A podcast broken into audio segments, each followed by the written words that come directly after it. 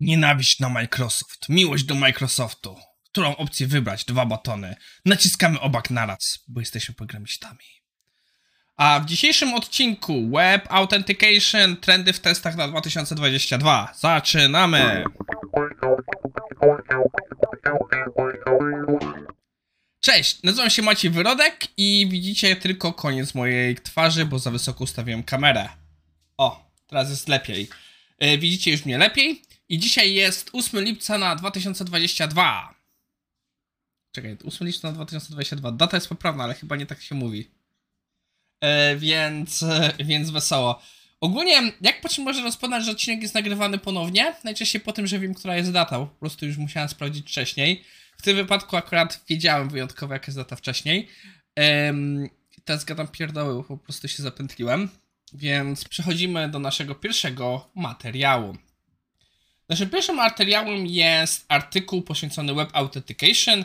Jest to ze strony Web Auth Guide. E, podejrzewam, że jest to powiązane trochę z jakimś na narzędziem, ale jest to bardzo dobrze opisane, jak wygląda proces autentykacji webowej.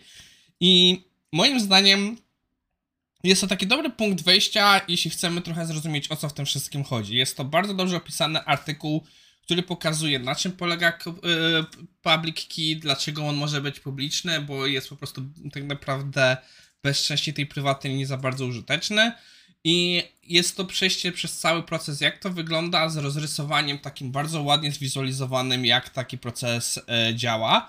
Dalej mam jakieś fragmenty kodu, które nam pozwolą się z tego opisać, jak, to, jak z tego wszystkiego skorzystać, więc dla mnie to wyglądało ciekawie, bardzo fajny pomysł, ale przyznam się szczerze, to za dużo, tutaj więcej nie można powiedzieć. Um, więc nie będę tracił czasu i przejdę do drugiego artykułu. Naszym drugim artykułem jest, też nie pamiętam, kto mi podesłał ten artykuł, jestem prawie pewien, że Michał Buczko, ale mogę się mylić, więc wybaczcie, jeśli się pomyliłem. 5 e, trendów w testowaniu oprogramowania na 2022. E, jeśli, jeśli wymieniliście wśród tych trendów te trendy, które były ostatnimi laty, to się nie pomyliliście, bo autor wymienił dokładnie te same.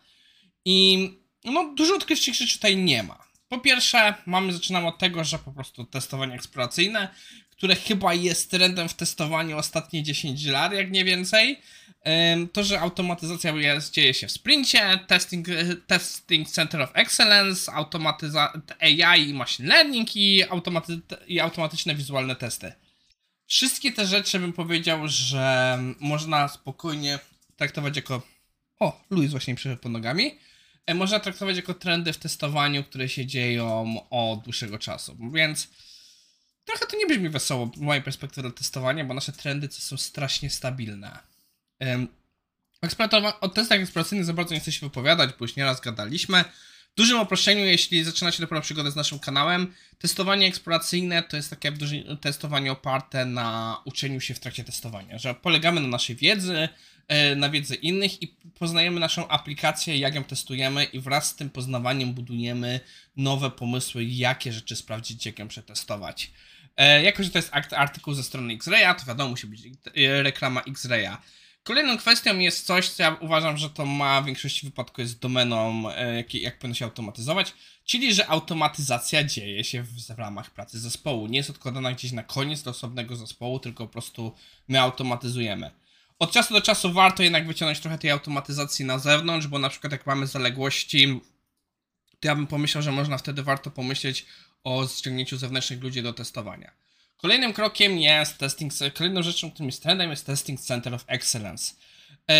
Ja bym tutaj był ostrożny, bo się trochę boję, że takie centra of excellence, i to miałem okazję pas zobaczyć, przeradzają się po prostu w osobny dział QA. Ale jak już gadaliśmy kiedyś w poprzednim odcinku, gdzie będzie link? Będzie link w tą stronę. Że myślę w tą stronę? Chyba w tą stronę. A może w tą? Hmm. Chyba w tą stronę będzie link. Tak, w tamtą stronę będzie link. E, to takie Center of Excellence może łatwo się przerobić po prostu w osobny dział testerski, który tak naprawdę jest bezużyteczny i nas spowalnia. W idealnym świecie takie Center of Excellence odpowiada bardziej za tworzenie norm, pomoc w stworzeniu strategii testowej i pomoc w prowadzeniu po prostu rozwoju tego testowania w organizacji, coś ala gildie i tak dalej, ale no jest to coś, co może się trochę przekształcić. Na temat AI już słyszeliście dużo, e, dużo nie rozmawialiśmy ostatnio mieliśmy parę fajnych artykułów na ten temat. Ja, jak już po- powtarzałem, jestem trochę rozczarowany, w jakim miejscu obecnie znajduje się AI i jego zastosowanie w różnych naszych dziedzinach. Fajnie to też podsumował właśnie Michał Buczko pod jednym odcinkiem, że go boli, że firmy biorą się za najbardziej skomplikowane procesy i je próbują zautomatyzować z wykorzystaniem AI, a nie skorzystać z tych, gdzie wiemy jak to zrobić i faktycznie jest z tego wartość, jakieś proste rzeczy. I mam wrażenie, że podobnie wygląda tutaj ta rzecz, że AI i tak dalej, no jest trochę nadużywane. Chociaż fakt, że na przykład ma wpływ na narzędzia typu Record and Play i dużo w nich pomaga, to jest fajna sprawa. E, Na zakończenie visual testing.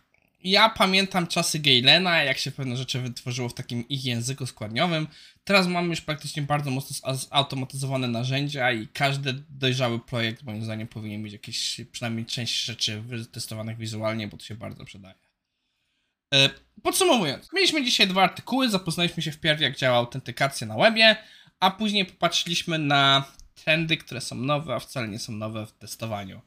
E, No i to wszystko na dzisiaj. Jutro jest piąta. Nie, jutro jest sobota, więc widzimy się w poniedziałek. E, jak to mówią, środa zginie, tydzień minie. E, czasami nagrywanie z takim w, w, dzień wcześniej robi problemy dla mnie. Muszę chyba zrobić sobie kalendarz jakiś wiszący przede mną, albo taki wielki napis. Jutro jest ten i ten. No, to wszystko gadamy śpierdołę. Do usłyszenia.